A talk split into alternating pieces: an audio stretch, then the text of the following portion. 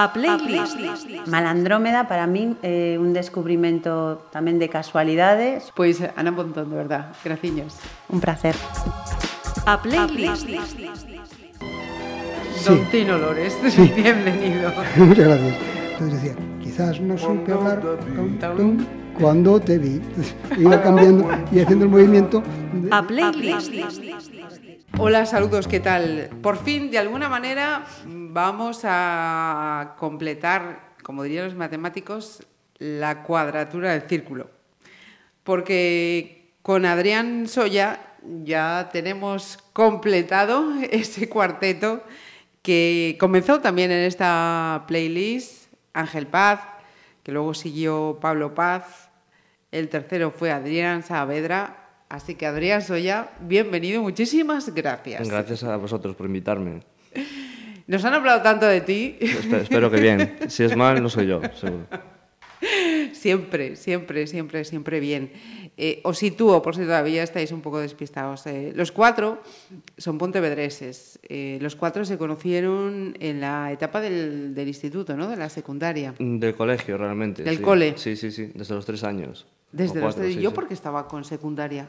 Porque nos hicimos, digamos que la- nuestra, nuestra etapa musical nos la cocimos más en, la, en, en En el la instituto. secundaria, con sí. Fray Lex. Sí, exacto. Sí. ¿Ves? Ya me, ya me lo aprendí.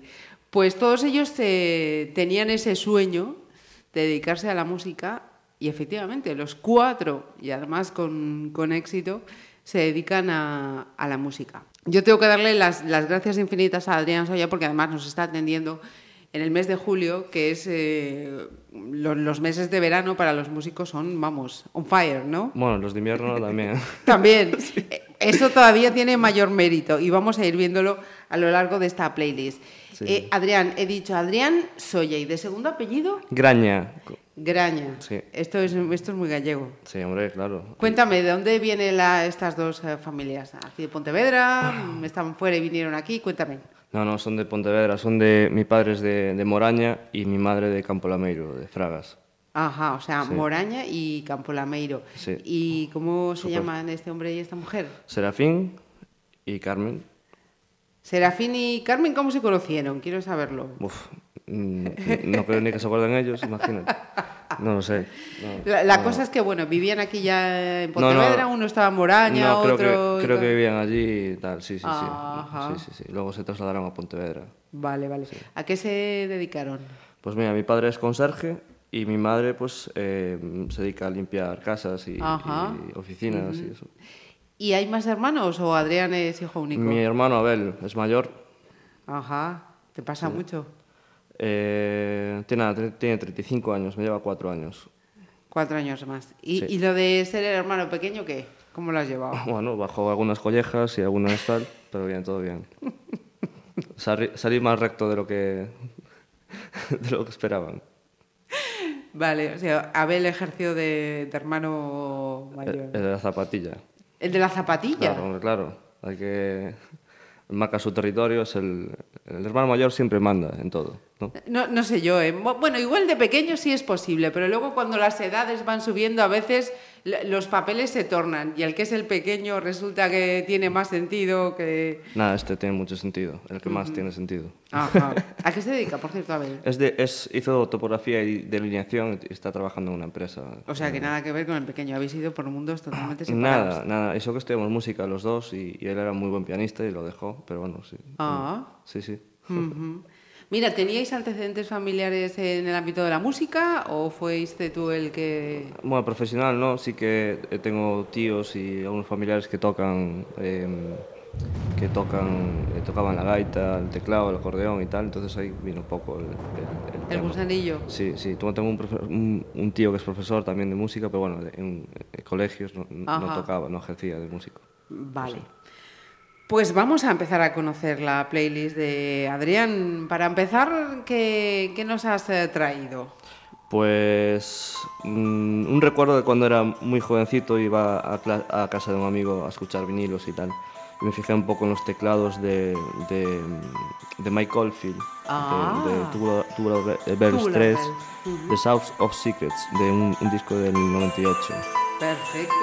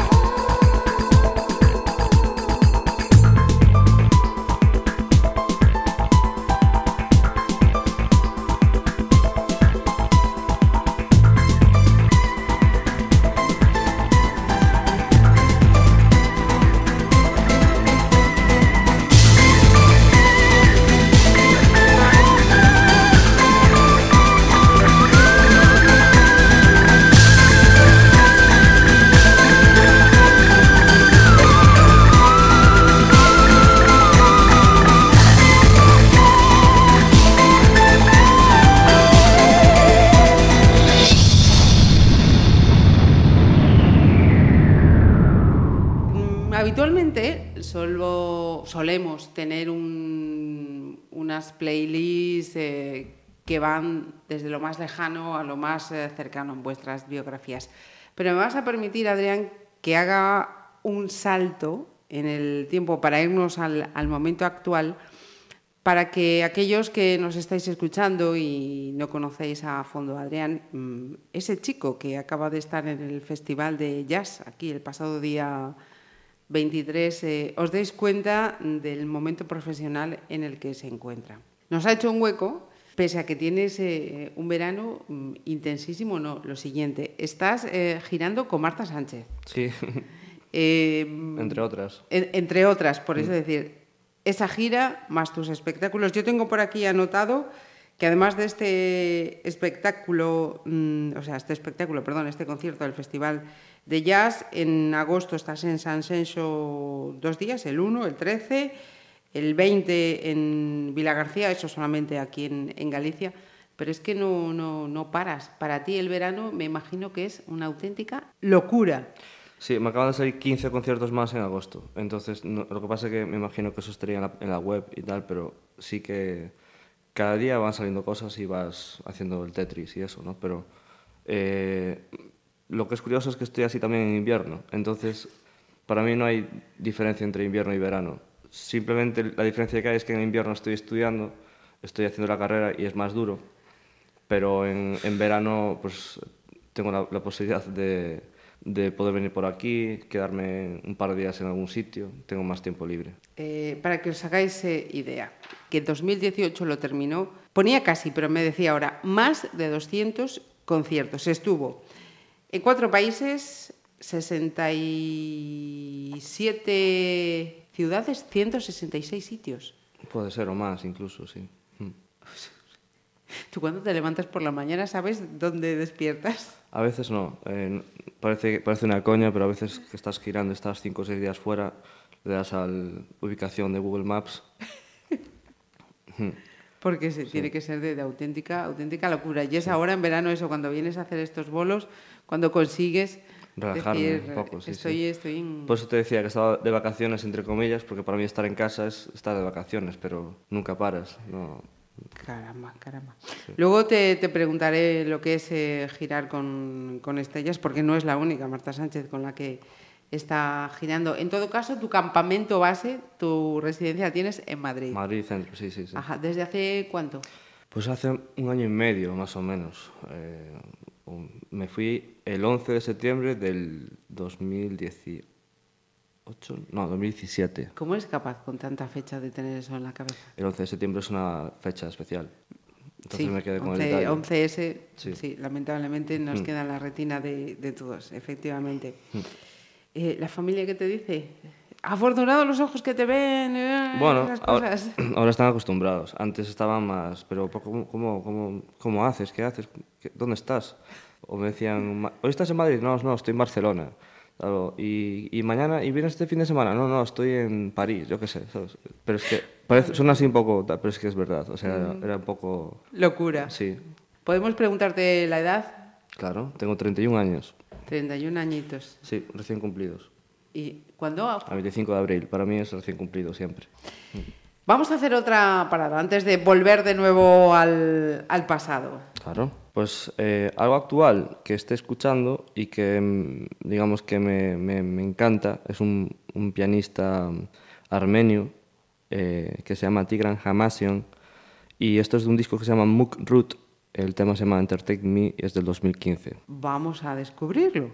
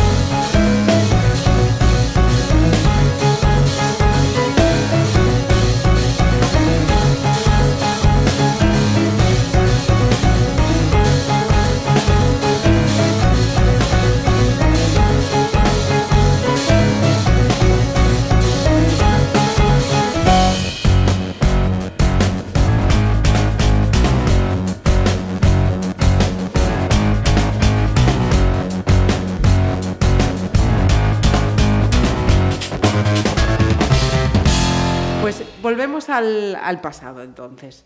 Nos decía que había un tío que era profe de música, que había otros eh, parientes en la familia que, tocaban algunos eh, instrumentos. Eh, ¿Fue entonces gracias a ellos o hubo otros elementos, otras personas que te, te abocaron a, entrar en esto de la música? Es, es difícil recordarlo, la verdad, pero sí que, eh, digamos que siempre, siempre me, me, me atraía el tema musical, pues en la tele o no sé qué, o de repente ibas a una fiesta y tal. Es como que siempre tenía ganas de hacer eso. Entonces me viene desde muy, muy pequeño, pero no sé cuándo fue el momento ni el, ni el por qué. O sea, siempre eh, tuve eso en la cabeza y, y siempre quise ser lo que soy. Entonces, digamos que tampoco sé cuándo desperté para poder hacer eso, ¿sabes? O sea, es algo muy... muy Porque la, la formación musical, ¿cuándo la empezaste? Desde muy pequeño, desde los seis años. eh, ¿Con seis añitos? Sí. Con, ¿Cómo fue eso? Pues íbamos mi hermano, mi primo y yo a una escuela de música que también iba Pablo Paz. Ajá. En la escuela de, de Aladino Barros y ahí conocí mogollón de, de amigos, de, de- Bueno, eso era un momento de, de aprender, pero también de... Como en una actividad extraescolar, pues imagínate, eh, con, tus, con tu hermano, con tu primo, con amigos y tal, eso era una fiesta increíble, ¿no? Y al final sí que aprendías mucho, em, em, pues aprendías a leer, a tocar canciones de, de- de bandas sonoras de películas, canciones modernas, canciones de música clásica, ¿no? O sea, obras de, de clásico y tal. Y luego, digamos que lo, lo dejé a los 11, creo, o, o así, y tuve mi etapa de más de, de investigación, o no sé cómo, cómo quieras llamarlo, pero sí que estuve sin estudiar con nadie durante una temporada bastante larga. Y luego volví pues a los 18 años, creo, a estudiar y me metí en una escuela de música moderna en, en Santiago de Compostela, que se llama Escuela Estudio, que ahí estudió Ángel Paz. Y estuve como unos 5 años, o así, 4 o 5 años, y a la par también en el seminario de jazz de, de Pontevedra, aquí con Abe Rábade y con Paco Charlín. Eh, hablaremos precisamente del seminario Eh, SPJ. permanente de, de jazz porque yo creo que, que tiene mucho arra- arraigo y ya no solo el, el arraigo, sino la- las vocaciones y trayectorias que se han ido abriendo y los nombres que, que nos, ha, que nos ha dado, por supuesto. Eh, pero vamos al, al cole. ¿Qué, ¿Cuál fue el primer colegio? Barcelos, Barcelos. que ahí conocí a Ángel y a Pablo. Todo está enlazado, si te das cuenta, ¿no? A Adrián lo conocimos mucho más, Más eh, más tarde. tarde, en la etapa de la, de la juventud, ¿no? De- Pero con ellos desde los tres años o cuatro por ahí ya juntos y, y, bueno, pues... ¿Cómo eran, ¿Cómo eran esos recreos? Uf, eh, yo es que era muy... Yo era muy cabroncete. de- No me lo no me lo puedo Sí, creer, Sí, sí, no. sí, sí, sí, sí, sí.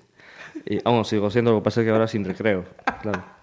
No, pero de aquella eran... eh, había de todo. La verdad es que Barcelona... Yo, hay cosas que no recuerdo, cosas que me lo recuerda Pablo porque tiene una memoria increíble y siempre suelta alguna historia ¿no? de, de, de cuando éramos pequeños o de- del instituto y dices, madre mía, hicimos estas cosas y tal. Pero sí que muchas trastadas por el medio, muchísimas. Después de conoceros a, a los cuatro me cuesta creer eso, ¿eh? Créeme que sí. Sí, sí. Sí, las paredes de... Pero es que los niños hacen cosas de niños, hay que hacerlo. Tienen, tienen que hacerlo, si no, algo falla. Hay que hacérselo, hay que hacérselo mirar. Eh, después de Barcelos, ¿vino? La etapa dura, eh, la del Valle Inclán, el Instituto Valle Inclán. La etapa, la etapa dura, hombre, mm, dura por... Yo soy muy mal estudiante, muy mal estudiante. ¿Sí? Sí, aunque parezca que no, sí. Me cuesta muchísimo estudiar, centrarme, ir a clases es lo que peor llevo. Digamos que si me pones algo que me gusta, eh, lo devoro. Lo- Ujú. Pero algo que tengo que ir porque sí, porque te obligan, porque, porque, porque está así la Sí, porque hay la que vida, ¿no? hacerlo, es lo que está establecido y la educación está Pues así. fatal, fatal, veo fatal. Incluso hoy en día, que estoy haciendo el superior de jazz en Madrid, lo veo fatal algunas asignaturas, aunque los- las estoy sacando. Pero eh, si me obligas a estudiar algo que no me gusta, estamos mal. Bueno, pues venga, vamos con algo que, que te guste. Vamos con una tercera selección. Vale, pues mira, recordando un poco el tema, de- el último tema que había- habíamos hablado, ¿no? Del, del seminario permanente de jazz, pues un, un- un tema que me encanta del, del año 44, aunque esta vez está interpretado por Chet Baker, es un tema que se llama I Fall in Love Too Easily. I fall in love too easily. I fall in love too fast. I fall in love too terribly hard. For love to ever last. My heart should be well schooled. Cause I've been fooled in the past. But still I fall in love so easily. I fall in love too fast.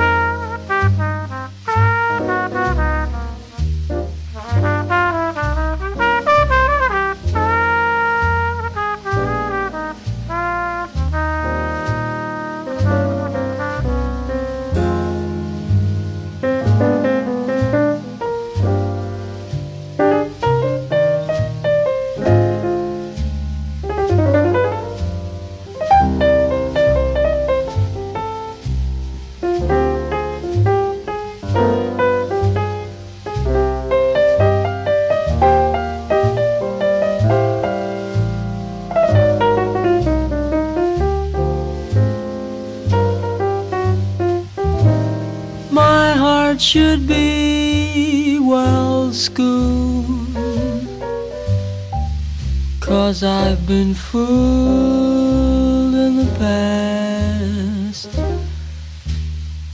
But still I fall in love too easily. I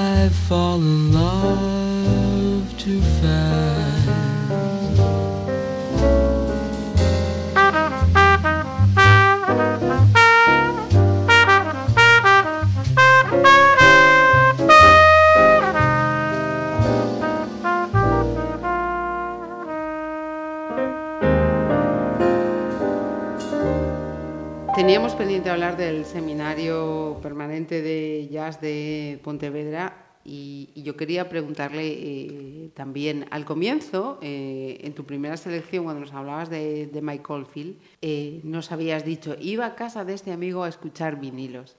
Sí, ¿Qué, qué fue lo primero que tuviste? ¿Cassettes? ¿Vinilos? Eh, ¿Qué fue lo primero que recuerdas tuyo? Decir, mm, eh, cassette, sí. ¿y un- te acuerdas de quién era? Un Walkman. Eh, era de... de, eh, no era música, era como cuentos de, de- para niños, mm, creo. que Ay, era qué bueno. Sí, típicos cuentos de- del cole, ¿no? Que te ponen en los libros y eso. En el, el antiguo Walkman, ¿no? Que, Eh, tú, en todo caso, eh, vamos, poco tiempo. Poco tiempo. Por la edad que tienes, eh, tampoco mucho, ¿eh? Bueno, sí, sí, sí, sí. Yo estuve una temporada con, con el Walkman, con el Discman, con todo esto, sí, Ah, sí. bueno, el Discman ya es ya mucho más fashion, mucho más moderno, posterior. Sí, sí, yo recuerdo eh, esa etapa que, que de la que estamos eh, hablando. Yo iba a casa de un amigo que estaba en el instituto y en la escuela de música donde estudiaba eh, con, con, con Pablo, con esta gente, ¿no? Se llama Luis, no creo que me esté escuchando, pero bueno, que... Lo tiene- Lo, puede escuchar cuando quiera, Bueno, se lo- avisado está. Se lo voy a pasar, se lo voy a pasar. Iba a su casa a escuchar, eh, tenía, él tenía vinilo, ¿no? Y escuchábamos ahí, nos pasábamos una tarde o dos ahí escuchando y tal. Y él tenía teclado también, estudiaba piano y sacábamos las líneas más, o sea, más principales de, de las canciones o, o los acordes o, o tocábamos a cuatro manos o tal. Y eso fue una etapa muy, muy importante para mí porque era como que descubrías música, eh, eh, digamos que mejorabas el oído porque estabas transcribiendo canciones y tal, que ahora lo dices así un poco tal, pero cuando eres un niño, pues oye, pues es importante, ¿no? Es, es tan importante como que hay muchísimos adultos eh, que llegamos sin, sin educar el oído. Mm, Es muy importante educar el oído. Mm, sin duda. Igual que el estómago, lo mismo. Mira, lo voy a, lo voy a anotar para hacerte alguna preguntita al respecto. Eh, decías, lo primero es el Wallman. ¿Tú recuerdas que el primer vinilo entonces que tú te compraste o que te regalaron? O... Mm, Curiosamente, yo ¿O nunca, nunca tuve vinilo. Me gustaría tenerlo más adelante. Ahora no, no es que tampoco tengo tiempo para, Para ponerte a ello. para estar una tarde en el salón escuchando música, ojalá. Pero sí que mm, con, este- con estos amigos eh, escuchaba muchísima música. Y luego íbamos también más adelante a un, a un bar, que es- creo que Pablo habló de, de él, La Cabaña, Ajá. que ahí yo iba a descubrir música, literalmente. O sea, iba por las tardes o por la, por la tarde-noche, escuchaba lo que había y me anotaba en una servilleta lo que estaba escuchando y luego, esto lo digo de forma ilegal, pero iba a casa y lo descargaba en el Ares, que antes tardabas pues un día o dos en descargarte un disco, ahora no, ya lo escuchas al momento. Pero de aquella, ese proceso de, de investigación, creo que es muy importante que hoy en día no se hace, porque lo tenemos tan inmediato que no nos damos cuenta de lo difícil que es conseguir un disco o, o- o un vinilo o lo que tuvieras. ¿no? Ujú. Sí, sí, te llamaba la atención una canción, te quedabas, como decías Sí. tú, anotabas, que Sí, sí. no valía ir al móvil y no, no, Antes, ni, ni que- Shazam ni nada de estas Efectivamente. cosas. Sí, ahora sí. estabas en la cafetería, estás todo el día con el móvil, pues de aquella ibas al sitio y yo le pedía vinilos, empezaba a ojear un poco, a echar un vistazo y, y anotar nombres y luego los, los descargabas, claro. Ujú. Luego si te gustaba, pues te lo comprabas, pero... ¿Y cómo recuerdas tu Freilex? Pues una etapa muy buena, porque era una etapa en la que eh, estábamos en instituto y mm, digamos que mm, nos juntábamos para tocar, eh, algunos amigos, tuve un primera- una primera banda con, con versiones de, de Mike Oldfield, luego no sé qué y al final pues me llamaron para esta banda para hacer algunos conciertos y estuve creo que un año, año y medio tocando con ellos. Y ahí conocí también a, a muy buenos amigos como Hugo Gando, tal, que de hecho es, es aunque, aunque él dice que no, es muy buen músico, lo que pasa es que luego estudió fisioterapia y, y está por otros, otro camino, que le está yendo muy bien, cosa que me, me alegro muchísimo por él, pero empezamos todos ahí, realmente, ¿sabes? Y la etapa fue muy buena, la verdad, porque es la primera vez que tocaba con amigos, que tocábamos fuera, que íbamos a un- todos juntos a tocar no sé dónde, a un pub o donde fuese y tal. Y era pues como, como ir de gira con los Rolling Stones, casi para nosotros, ¿sabes? Era como, madre mía, estrellas del rock. Recuerdo a Adrián además que decía que, que aquello también eh, servía para empezar a curtirse, ¿no? Sí, Eh, claro, y claro. ver y torear con todo lo que Sí, sí, había debajo del escenario. Sí, sí, sí. Bueno, eso era en otra etapa. Eso fue más adelante con el mundo de las orquestas de baile. Sí, también. Sí, sí, sí, sí. Eso fue también la, la mili musical. La mili musical. Sí, sí, sí. Sí, señor. Venga, vamos a escuchar algo más de tu play. Pues vamos a escuchar un tema de Peter Gabriel de 1977 que se llama Salisbury Hill.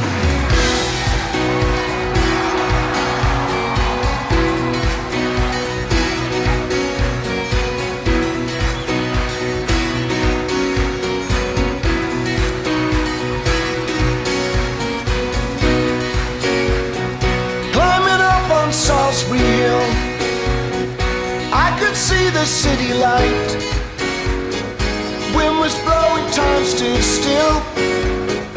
Eagle flew out of the night. He was something to himself.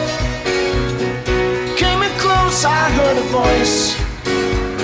Standing, stretching every nerve. Had to listen, had no choice. I did not believe the information. I just had to trust imagination. My heart going I've come to take you home.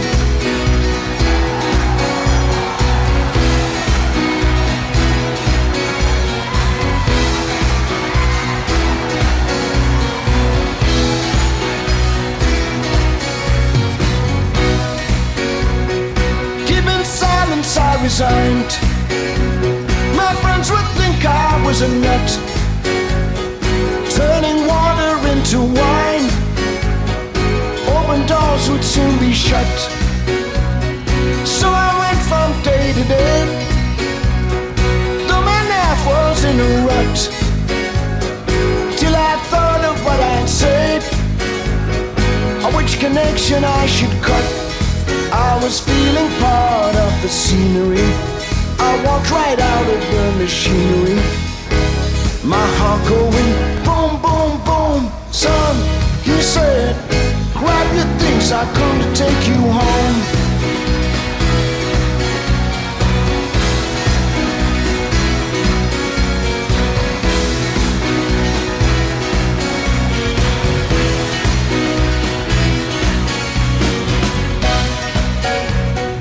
What illusion spin her net? I'm never where I wanna be. Liberty she pirouette.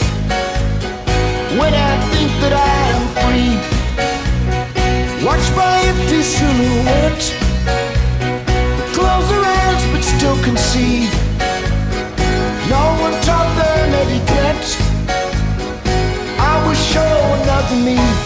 Today I don't need a replacement. I show them what the smile on the face meant. My heart going boom, boom, boom. Son, he said, grab your things, I come to take you home.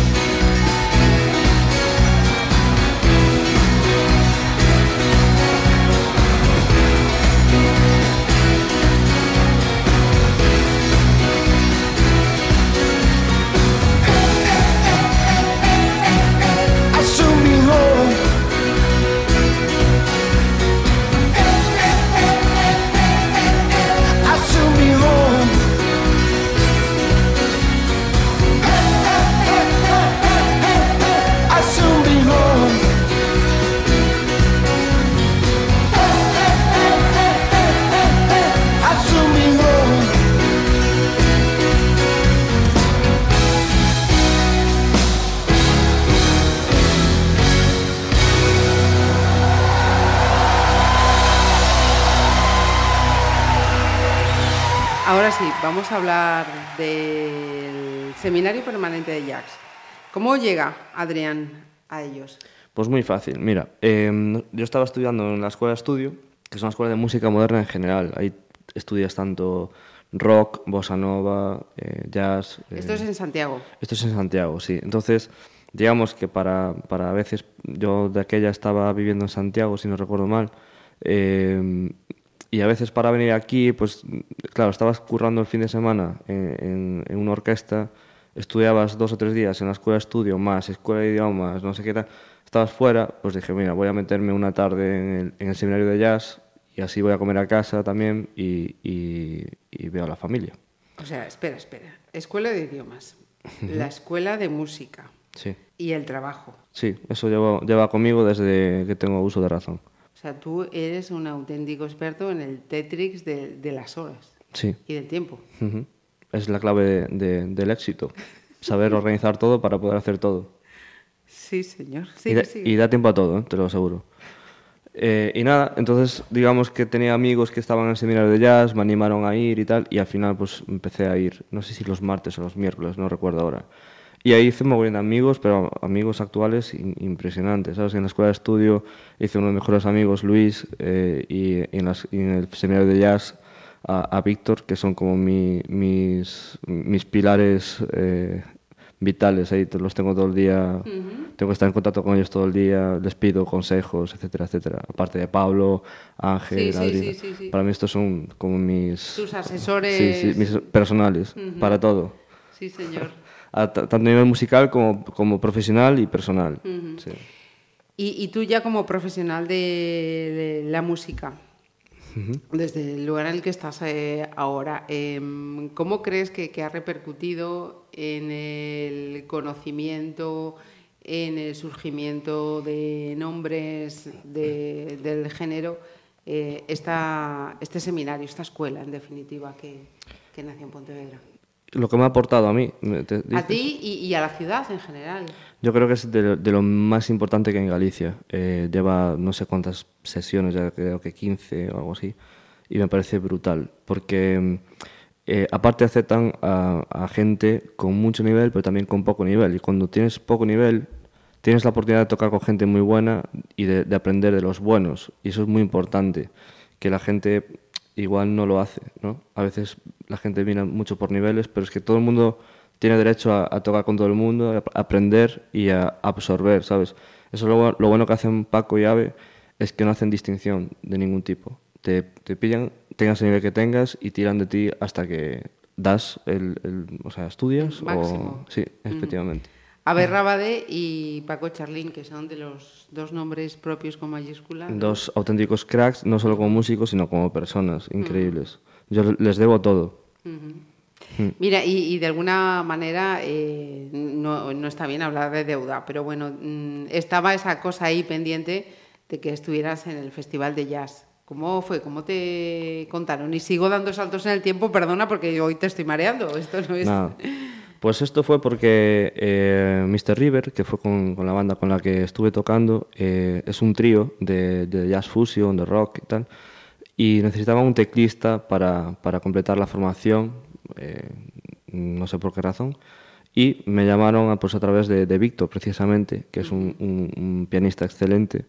Ah, eh, lo que pasa es que, digamos que lo pillaban en una época de, de- de mucho lío, estaban con las oposiciones de, de piano, de conservatorio y tal, entonces él no quería dedicarse a eso y me pasó el, el contacto, el concierto y yo Ajá. encantado, ¿Hacía cuánto que no tocabas en Pontevedra? mucho.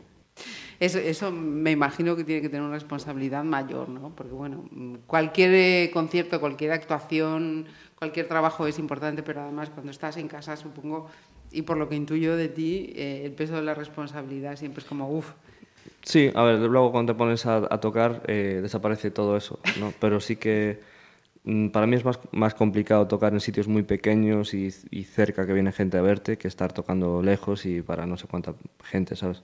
Es otro tipo de... Digamos que eh, aunque estés tocando, un concierto a lo mejor puede ser un trabajo y, por ejemplo, este tipo, tipo de conciertos en un festival de jazz o así, pues es más placentero, es más otra, otro tipo de, de concierto. Ajá. No lo tienes como un trabajo, es, otro, es más personal. disfrutas más de Mm, ellos. Sí, yo disfruto siempre, pero cuando estás haciendo algo que es más libre, más de improvisar, más, pues es, más, es, es totalmente diferente. Venga, vamos con, con otra parada, creo que es la quinta. Pues mira, hablando un poco del seminario de jazz otra vez, ¿no? Y de- del tema este del- de la fusión, del rock y tal. Hemos escuchado antes a Tigran Hamasian, que es un auténtico fusionero, ¿no? de- del rock con la música armenia. Ahora vamos a escuchar a un pianista sueco, Svon Svensson, que tiene un trío, eh, tenía, porque lamentablemente falleció hace unos años, de un disco que se llama Seven Days of Falling y el tema se llama Elevation of Love.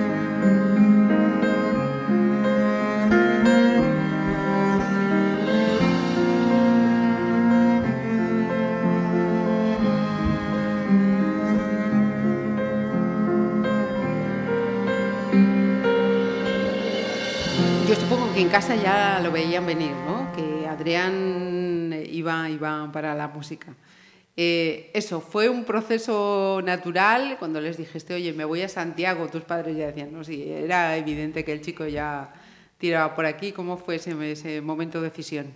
Es complicado, muy complicado porque como cualquier padre o madre, quieres que tu hijo tenga una educación normal, sea una persona normal, se acuesta a una hora normal.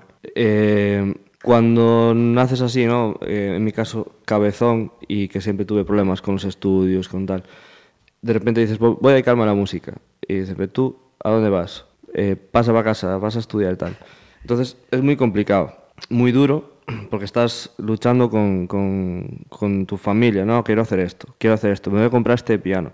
Pero ya tienes un piano, pero quiero comprarme este porque este es mejor, porque tiene sonidos de no sé qué. Pero ya tienes uno, ya, pero es que quiero gastar, o sea, es muy complicado el tema de, de entrar en, ese, en esa dinámica. Y el tema de cuando te vas a estudiar fuera, pero si Santiago está al lado, ¿por qué no te quedas? Tal? Ya, pero es que hay jam session, hay conciertos, hay vida eh, cultural que aquí no, no, en ese momento no había. Entonces es muy difícil explicarlo ahora, mm, todavía más hacerlo. Pero luego ya cuando pasan los años y, y ven resultados, ven, ah, pues mira, ya se está dedicando a la música, tiene su, su, su- su- se compró sus cacharros, su coche, vive solo, no sé, independizado 100%, tal, y dicen, bueno, pues mira, le va bien, entonces hay que... tal. Y ahí siempre tuve el apoyo, siempre, pero es complicado luchar contra, contra lo, inicial, lo ¿no? que no es normal. Y yo lo entiendo, porque es muy complicado. O sea, yo, yo me veo desde fuera y es muy complicado tratar con alguien así, porque a lo mejor eh, de repente suele, suele pasar con comidas familiares, con cumpleaños, con no sé qué, o, una, o quedar simplemente para tomar un café. De repente yo te llamo y digo, mira, que me salió un concierto en Barcelona, me voy. O, o en- y es así, todos los días. Entonces es muy complicado. Ahora están acostumbrados, pero al principio era muy duro. Ajá.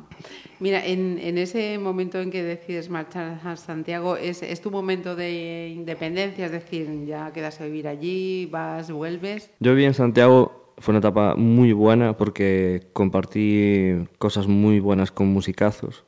Y digamos que fue una etapa musicalmente muy potente, porque eh, digamos que yo era malísimo, Bueno, pero sí que estudiaba mucho y tenía muchísimo, eh, muchísima información, tanto a nivel cultural por la ciudad, eh, que ahora me consta que no es así, por desgracia, pero de aquella era, era impresionante, pero había conciertos casi todos los días, de todo tipo, había foliadas, eh, mm, jam session, de todo tipo, o sea, hasta era, era otro tipo de ciudad. Y luego que yo compartía eh, piso con dos musicazos de, de Brasil, mm, top, y me enseñaron muchísimo música brasileña, comer, eh, o sea, todo, lo te- todo el tema eh, cultural de allí, la comida, el baile, todo esto me lo enseñaron ellos. Y la verdad es que era como estar en Brasil a veces.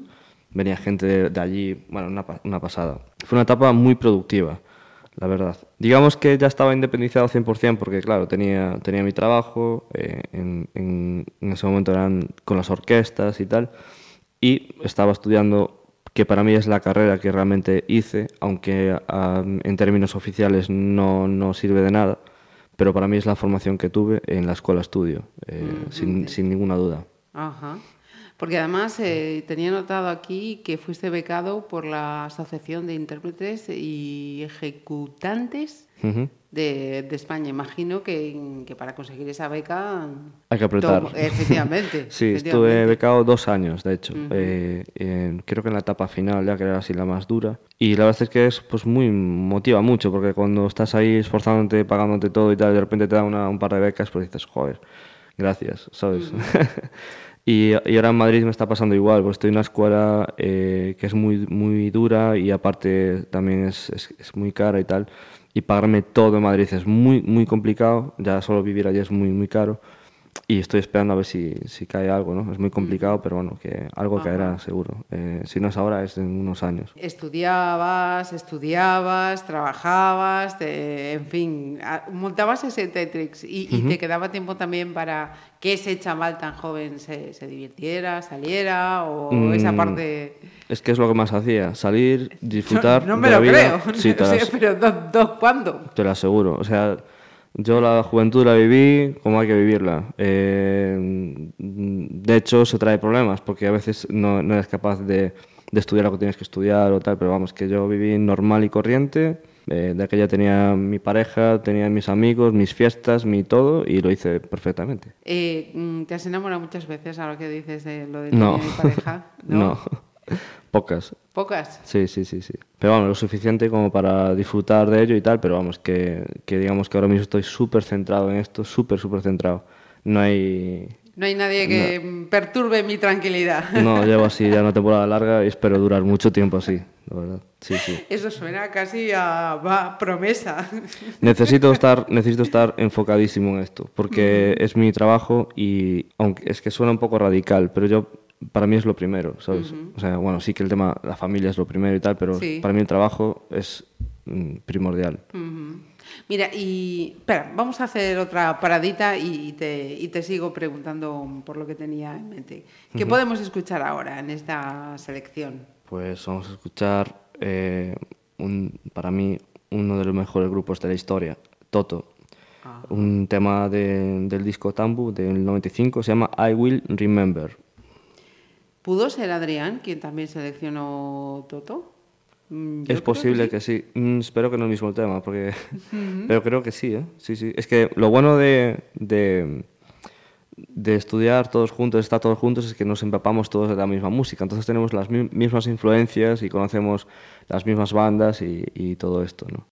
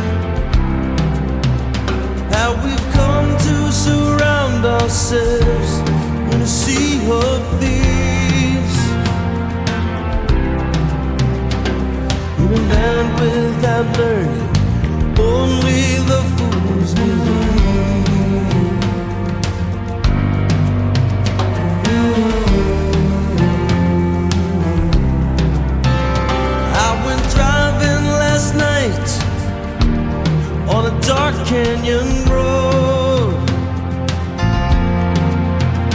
Had the sky to myself but it wasn't alone.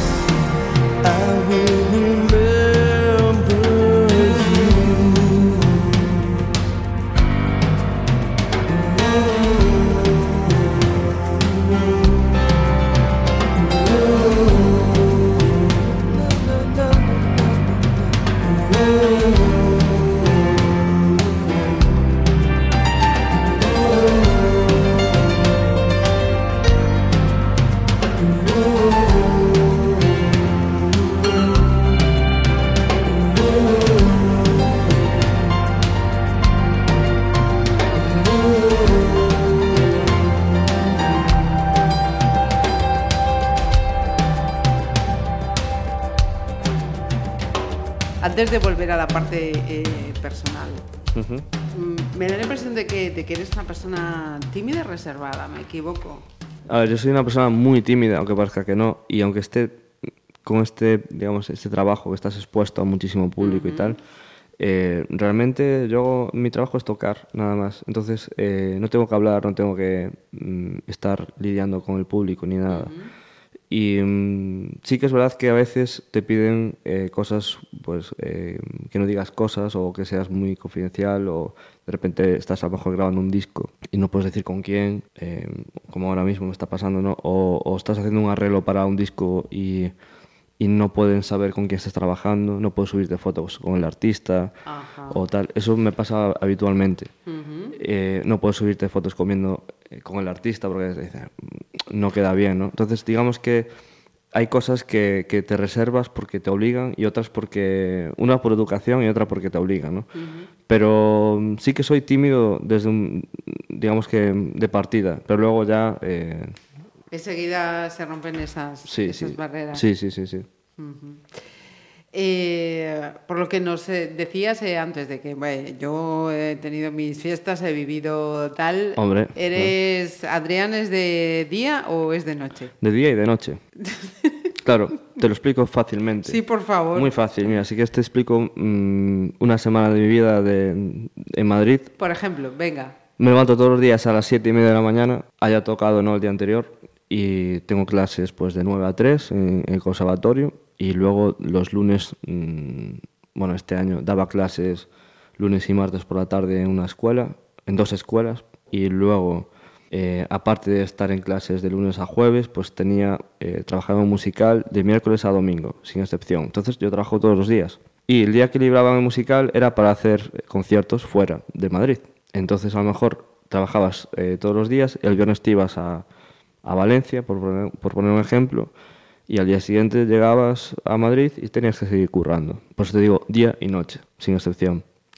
Decías, me levanto a las siete y media de la mañana, pero a- acostarte eh, después de tener una actuación tal que puede ser a las 3 de la mañana, a las 2 de En Madrid no, porque en, en un musical que ahora mismo no, no estoy haciendo, ¿no? Pero en ese momento, pues a las doce y media, una estabas en tu casa. Pianista, arreglista, productor musical. Eh, lo de los teclados, eh, ¿por, qué, ¿por qué había sido? Que fue una pregunta que cuando empezábamos ahí atrás nos habías eh, dicho eso, lo de la escuela, pero ¿por qué te, te llamaron los teclados y no, pues no sé, la, la percusión o vientos o no sé? No lo sé, la verdad es que no, no tengo ni idea. Sí que siempre me gustó el piano y cuando empecé a tener un poco de, de- de- o sea, de, de, más de información, pues más me gustaban los teclados y todo este tipo de soniditos y tal, las canciones y tal. Y, y eso, lo que te decía, pues escuchaba eh, Mike Oldfield, eh, Jamie Seljar, eh, todo este rollo ¿no? de, de teclados y tal, y, y era como, ¿qué es esto que está sonando? ¿Este efecto cómo se hace? Y luego ibas a tu casa y probabas, "Pues creo que se hace así. tal. Empezás a, a probar, ¿no? ¿Esto, esto que está sonando de fondo está pero no está, molesta pero no molesta, ¿cómo, cómo se hace, no? Y luego te vas dando cuenta de, de cómo se llama ese sonido y, y- y vas probando esa información, vas eh, buscando información y... Eh, mira, y de las, eh, esas facetas, pianista, arreglista, productor musical, eh, ¿cuáles te ha dado hasta ahora más alegrías? Bueno, todas. Porque no me gusta llamarme productor, porque eso es una palabra que le tengo mucho respeto. Pero sí que a veces tienes que, que, que hacerlo y, y, mm, lo puedes hacer tanto a nivel, pues eso, de hacer un disco, una, un, un single o, o, o simplemente un- una maqueta o lo que sea. Y, y a veces para, para directo, ¿no? Cuando vas a trabajar con un artista o así, pues eh, tienes que, la banda tiene que tener un sonido o tiene que tener una, una serie de, de- de pautas que te obligan en la productora y tienes que sonar así, pues tienes que preparar ese sonido. Eso para mí también es producción, ¿no? Digamos que empecé a producir un- un- a un chaval de Santiago que ahora lo está, lo está petando, se llama Luis Fercán, casi de casualidad, porque eh, yo vivía en Santiago y me dijo, oye, me gustaría que, es que tengo una banda ahí que, que tengo unos temas que están muy guays, pero no me acaban de sonar, me gustaría que le dices un- una pincelada, ¿no? Un, maquíllalos un poco y tal. Empecé como arreglista y, y luego, pues, eh, digamos que acabé produciendo, casi sin querer, nos acabamos grabando en Valencia, en no sé dónde, tal. Y este grupo se llama Per se, que ahora no existe, pero sí que está eh, el disco en, en las plataformas y tal. Y yo estoy contento porque trabajamos bajo muchísima presión, muy poco presupuesto y conseguimos un sonido brutal gracias a, a todo el, al- el equipo.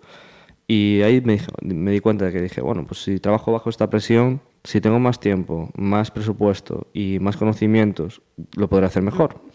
Entonces eh, fue un poco que me, me empecé a meter más en el mundillo, ¿no? Pero la verdad es que de momento no me estoy dedicando a eso porque no tengo tiempo. Estoy haciéndome muchísimas horas de, de- que tengo que tocar para mejorar y, y- y estudiar otras facetas que no me da tiempo. Como arreglista llevo muchísimo tiempo haciéndolo y me encanta porque me gusta escuchar, a veces vas por ahí escuchas un tema de, de algún artista en la radio y dices, mira, este arreglo lo hice yo, el de cuerda o lo que sea, tal, o este piano lo grabé yo, tal. Está interesante, mola, pero es algo que todavía tengo que, que mejorar, ¿no? Y, eh, y a la hora de tocar lo mismo, o sea, siempre estás con ganas de mejorar todo, todas las facetas, pero no me, no me gusta denominarme productor, no me, no me gusta. Eh, estaba hablando de, de artistas, artistas, pero no da nombres. eh, y son conocidísimos. Goiza, ¿no? Que- Goiza, claro, Ujú. Patricia Moon, Patricia que fue Moon. tu precedente aquí en la playlist. Sí. Con Gonzalo Arca. Gonzalo Arca de Villa García. Con Nastasia. A ver, dime tú el apellido. Zurcher. Mira, me va a matar porque siempre lo digo mal. Yo creo que es Zurcher. Es que lo, comentó Adrián también. Adrián trabaja con ella ahora, sí, y de hecho él está, es productor de ella también. Nos conocimos en la escuela estudio, de hecho, en Santiago, Ajá. estudiando y somos como los dos compañeros ahí que siempre estábamos apoyándonos y tal. Ella estuvo en Madrid, de hecho, antes de irme yo para allí y tal, y me aconsejaba y es una, una, ti- una artista, aparte una persona im- impresionante. Ajá. Mm. Mira, ¿y, y tú qué prefieres? ¿Lo de el trabajo de, de puertas atrás? Pues eso, este trabajo de, de- de arreglista, de estudio, o el de los directos. Los dos, los dos. Complementas, ¿no? Igual Sí. lo que no tiene uno lo encuentras en la otro. Sí, mira, no te voy a engañar. Eh, yo cuando estoy de gira estoy trabajando en estudio también, porque yo tengo un equipo portátil eh, que me voy al hotel y grabo desde el hotel. O, o estoy en la prueba de sonido, estoy haciendo un arreglo para no sé quién, voy en el bus. Cualquier músico que haya trabajado conmigo sabe que voy en el bus, en el avión o donde esté en el AVE voy siempre trabajando. O sea, mi, mi forma de, de mantener todos estos trabajos y de, y de retroalimentarme es no parar. Entonces tengo que aprovechar todos estos momentos. Y el trabajo de estudio, de arreglos, lo hago muchísimas veces en los hoteles. Mira, cuéntame eso de me encanta viajar en ave. ¿Dónde está eso? No, do- do- Tiene una explicación muy lógica. Mira, desde que vivo en Madrid eh, tengo eh, mejores... Me fui allí precisamente porque estoy mejor comunicado. Pero es que estoy agotado de viajar en avión porque aparte de que, de que tienes que estar dos horas antes, pasar el control, no puedes llevar muchísimas cosas, o sea, ti- no puedes ir con un teclado, una maleta, tal, siempre tienes que... Para mí eso es un, un desastre porque me pasa muchísimas veces. Y el AVE es súper práctico. Me levanto, en 20 minutos estoy en la estación y paso el check-in y ya está. Puedo ir con el teclado, con la maleta, con todo. O sea, y para mí tarda, o sea, tardo menos en ir a una ciudad que está a dos horas o tres en AVE. Pues nos vamos a escuchar ahora la séptima selección. Puede ser primera, segunda, tercera, cuarta, quinta, sexta, sí, séptima selección.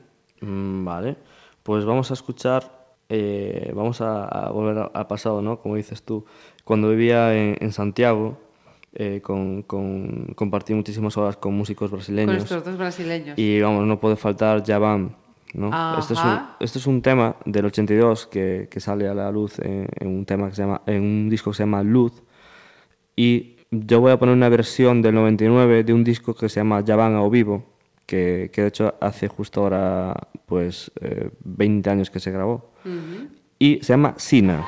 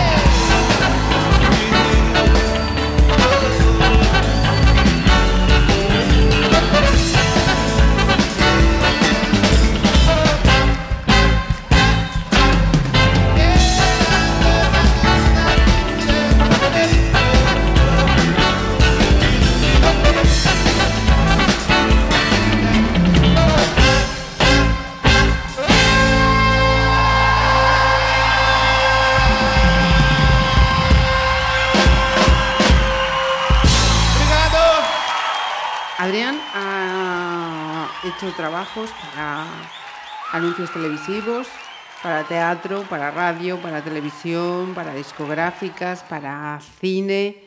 Eh, nos quedamos en este apartado. Perfecto. Cuéntanos tu, tu experiencia en el ámbito cinematográfico. Bueno, entras casi de, de rebote, realmente, ¿no? Un poco como entrabas antes de, de, pues te pedían un arreglo o algo así.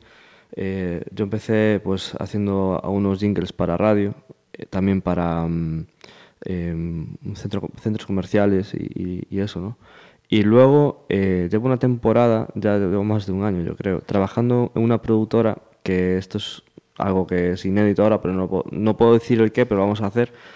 Eh, se llama Kraken Films, eh, es una productora que, de, varios, de varios actores y productores de Galicia que lo están petando y me encargaron la música y, y les está yendo demasiado bien, demasiado rápido, porque me están encargando muchos trabajos ya, Ajá. que a ver cómo los hago, porque eh, están ya preparando una serie, una película, o sea, van a hacer una peli que yo creo que va, va a estar bastante...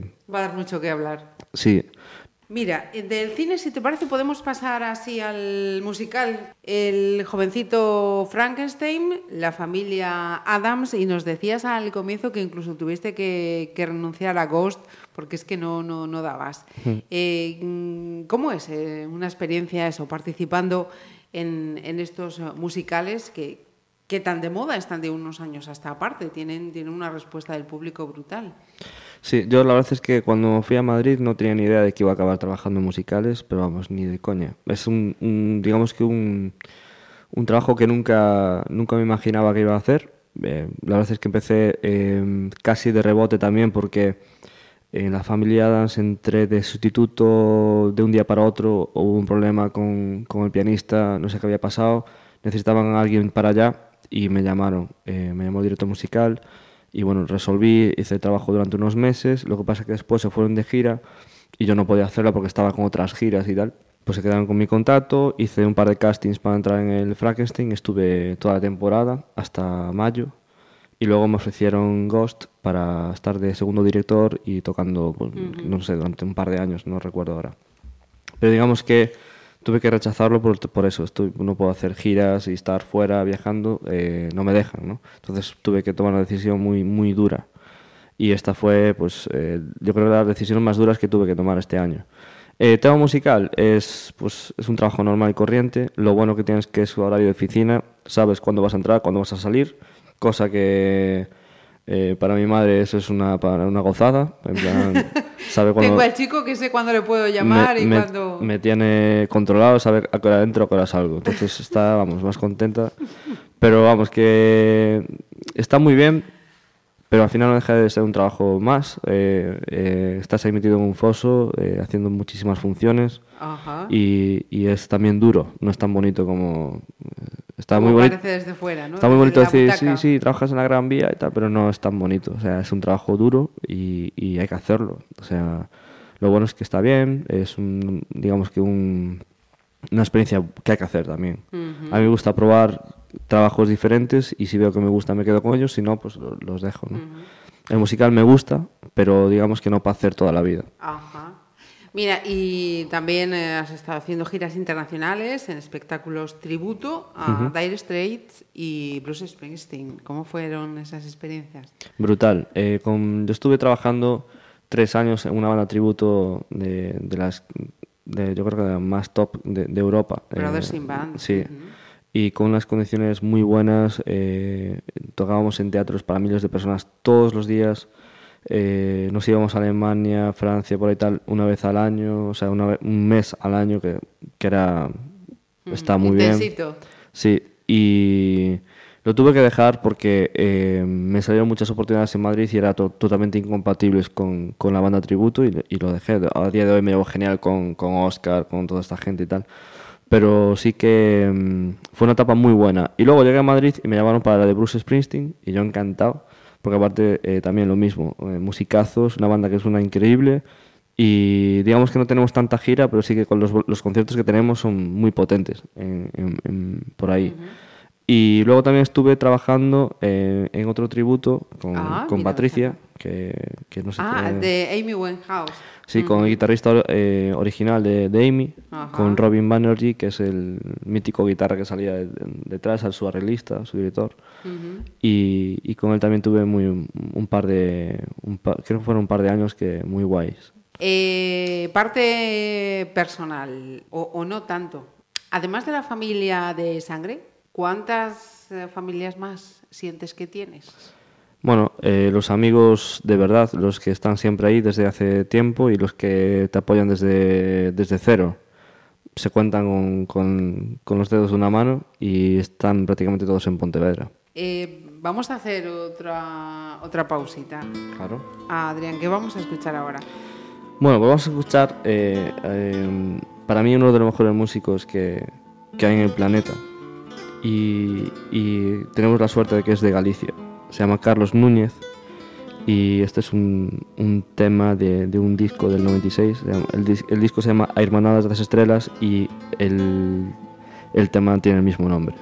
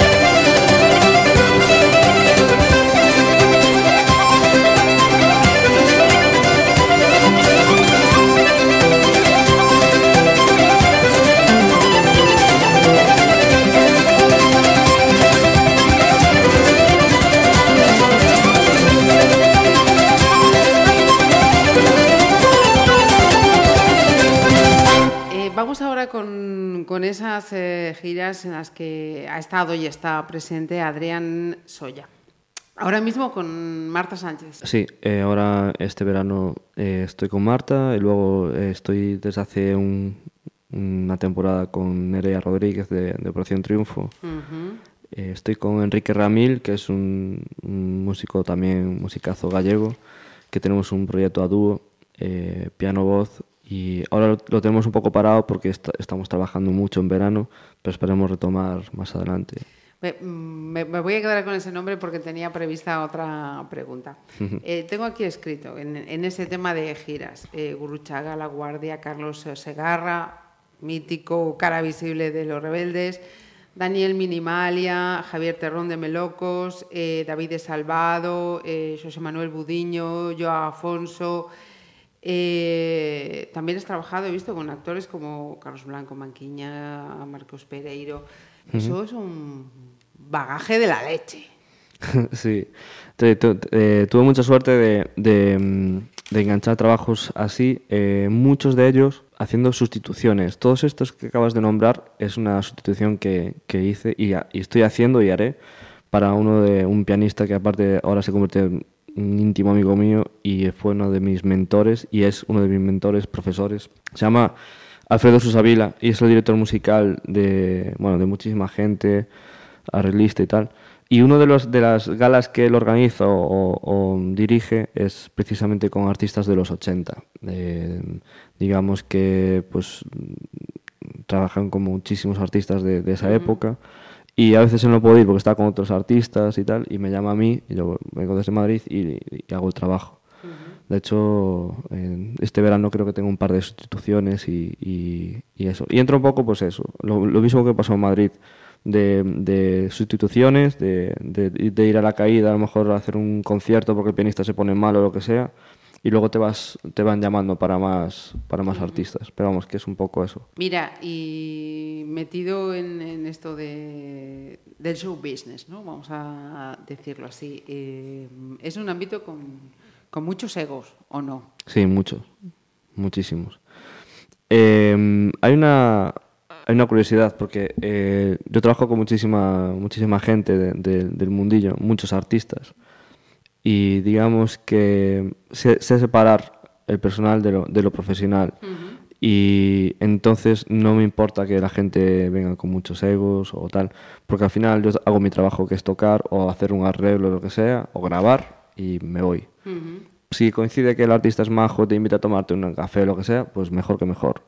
Pero eh, sé separar y lo hago desde hace muchos años y espero hacerlo así. No, aunque tú tengas el teléfono, el número de personal de ese artista o, o te llame un día para preguntarte cosas, mm, yo no hago lo mismo. O sea, hay que saber separar. Y no sé si coincidirás con, conmigo, pero supongo que, que esos los nombres propios, ¿no? los, los que aparecen en los, en los ca- carteles, eh, eh, de- deberían, si, si no son, ser muy conscientes de que sin todos esos profesionales que les acompañan, eh, al final no, no- serían lo, lo que son, ¿no? lo que le pasa eh, pues a un locutor de, radio, por ejemplo, ¿no? cuando alguien le escucha que dices, buf, pero si no fuera del trabajo de esos técnicos, mm, seguramente no serían muchas veces lo, lo que son. Desde luego, pero no solo músicos, sino de todo. O sea, desde, desde quien monta el escenario hasta quien lo, lo organiza, eh, hasta de, de la ambulancia que está detrás por si pasa algo. O sea, todo. Hay que tener todo, todo clarísimo de que todo es un equipo.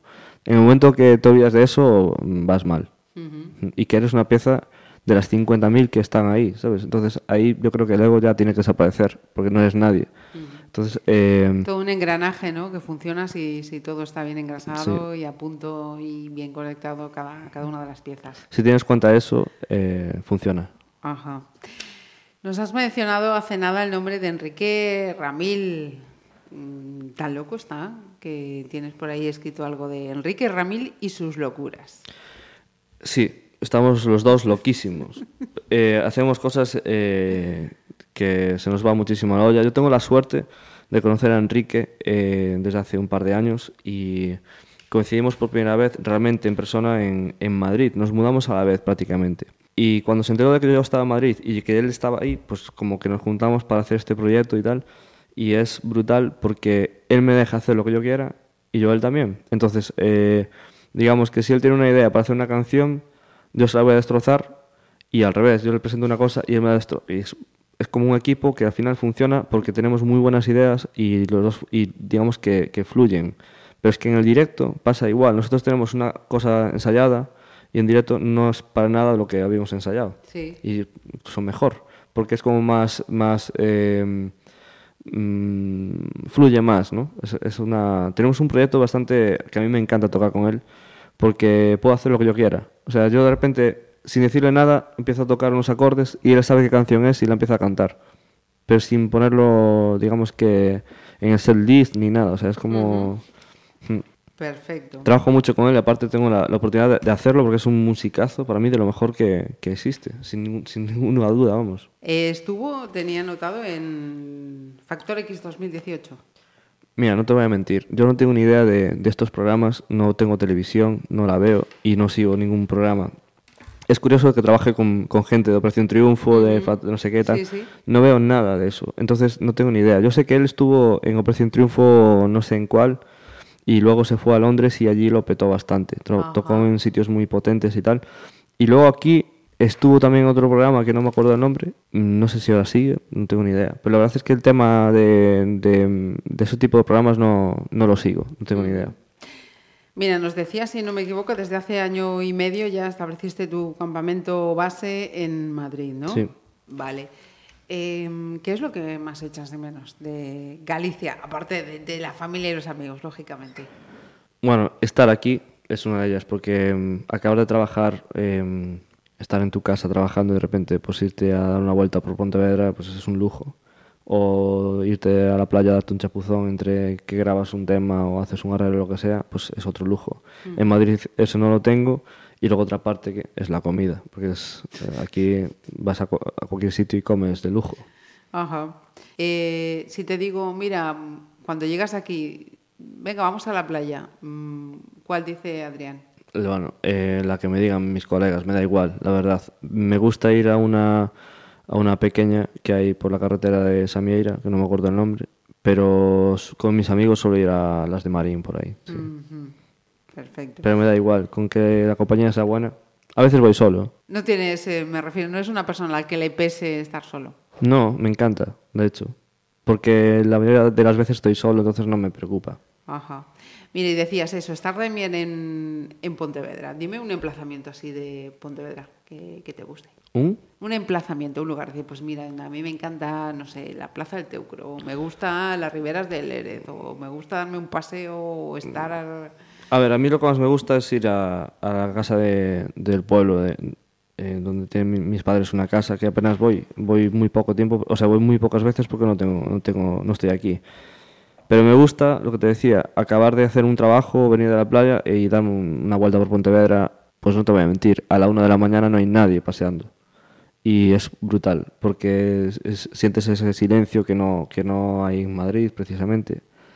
Eh, un lunes a la una de la mañana no hay nadie paseando prácticamente y disfrutas de la ciudad el doble, porque, pues eso, eh, desconectas un poco, ¿no? Te pones un disco en el móvil, vas escuchando música por ahí, llegas a casa a las 2, 3 de la mañana, tranquilamente y relajado. O sea que toda la ciudad en sí es eh, Un lujo. un lujo, sí. Mira, ¿y qué música le ponemos a este momento lujo? Bueno, pues vamos a... Si es que cuadra con este momento lujo. Sí. Que yo te estoy mareando hoy de unas maneras con esta selección tremenda. Pues mira, vamos a poner un, un pianista que, que me gusta mucho y me dio a conocer un poco el, el Latin Jazz también, Michel Camilo. Eh, un disco que se llama One More Once, que me encanta por los arreglos que tiene de, de- viento y todo, todo lo que está relacionado con, con este disco, me parece brillante. El tema se llama Not Yet.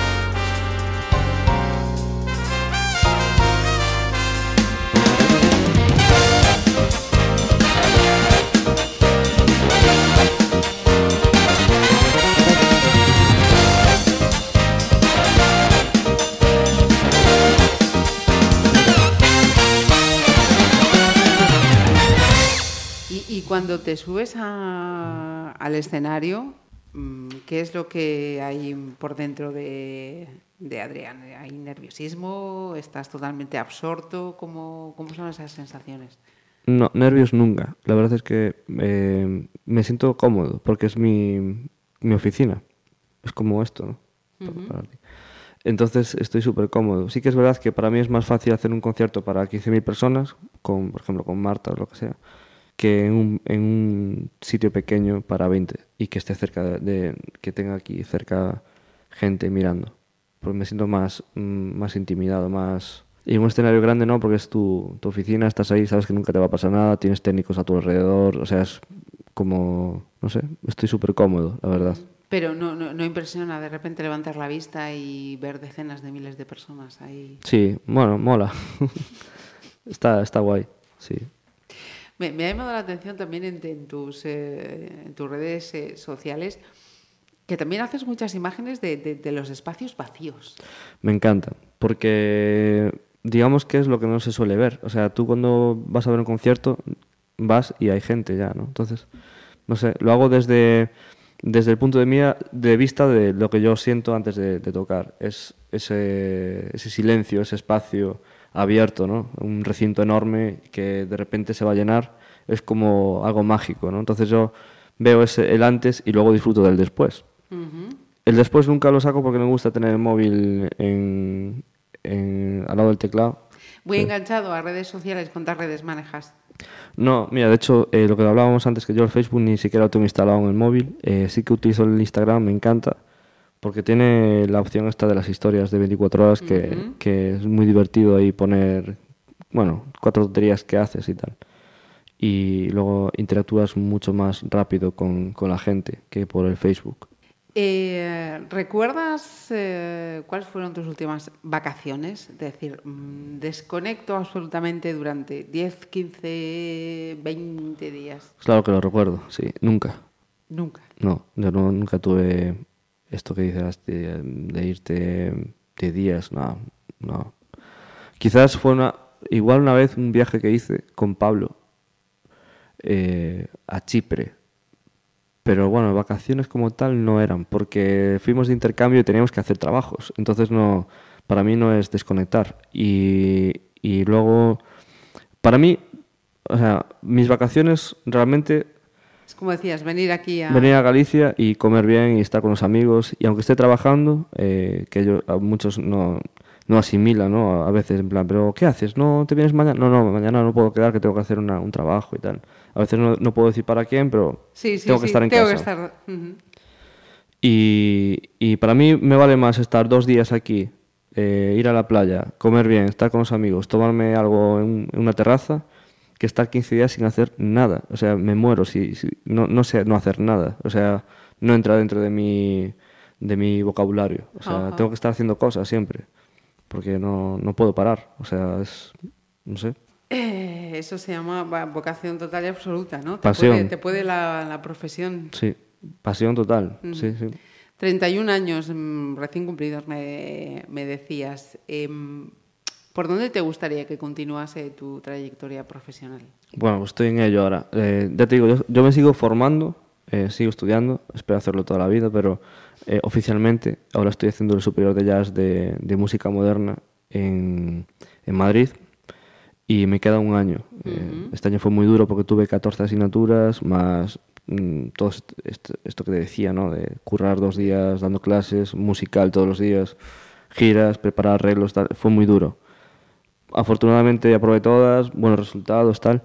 Este año voy a centrarme muchísimo más en, en mí, o sea, acabar la, la carrera y mm, digamos que quiero hacer un, un proyecto mío, personal, con mis composiciones, mis arreglos y eso, y enfocar un poco todo lo que estoy aprendiendo, ya no solo en trabajar con, con artistas o bandas o lo que sea, sino con, conmigo, con mi, con mi proyecto. Que de vez en cuando hago un concierto que sea con mi música.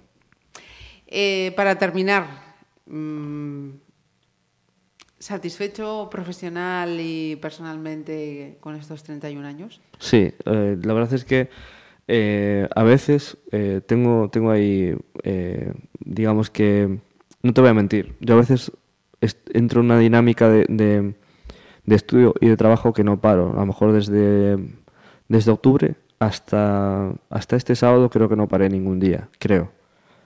Y el sábado me lo tomé libre porque quería estar con la familia, pues meter una churrascada, salir de Sí, fiesta sí, y tal. sí.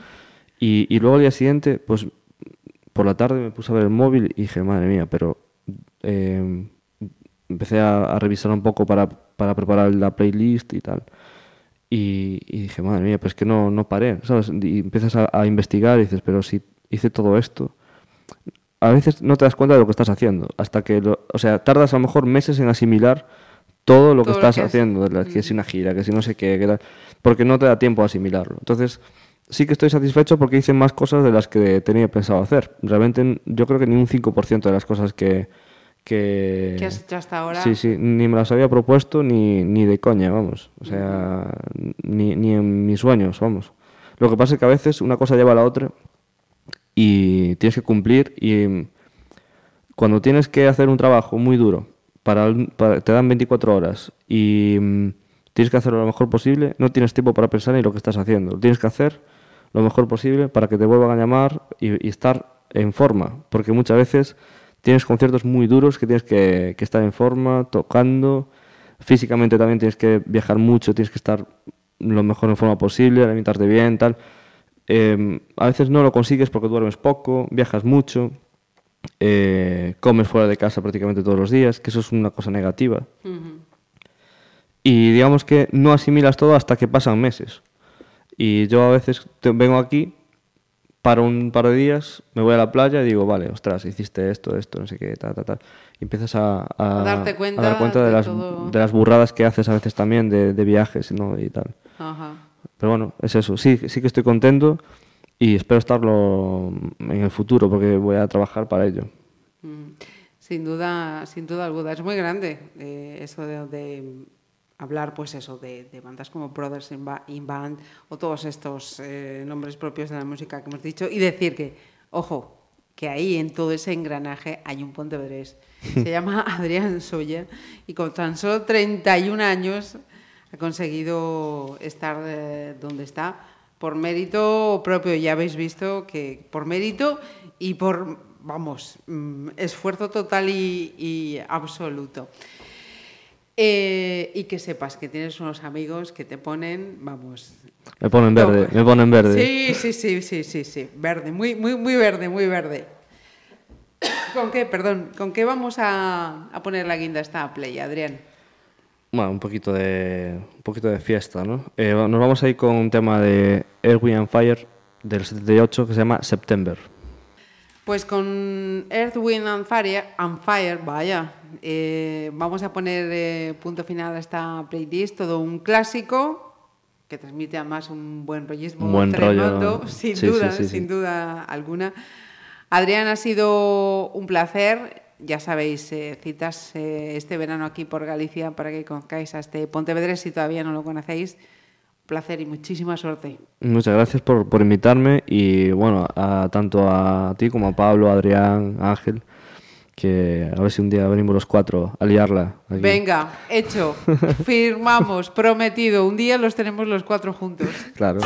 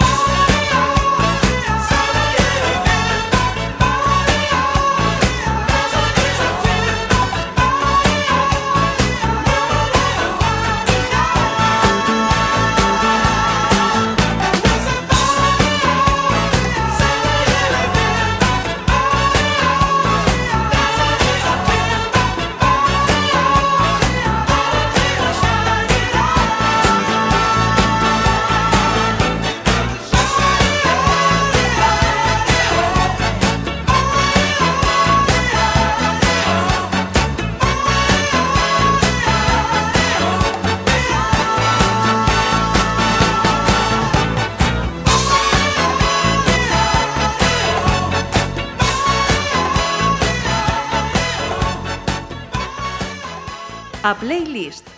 Pontevedra Viva Radio.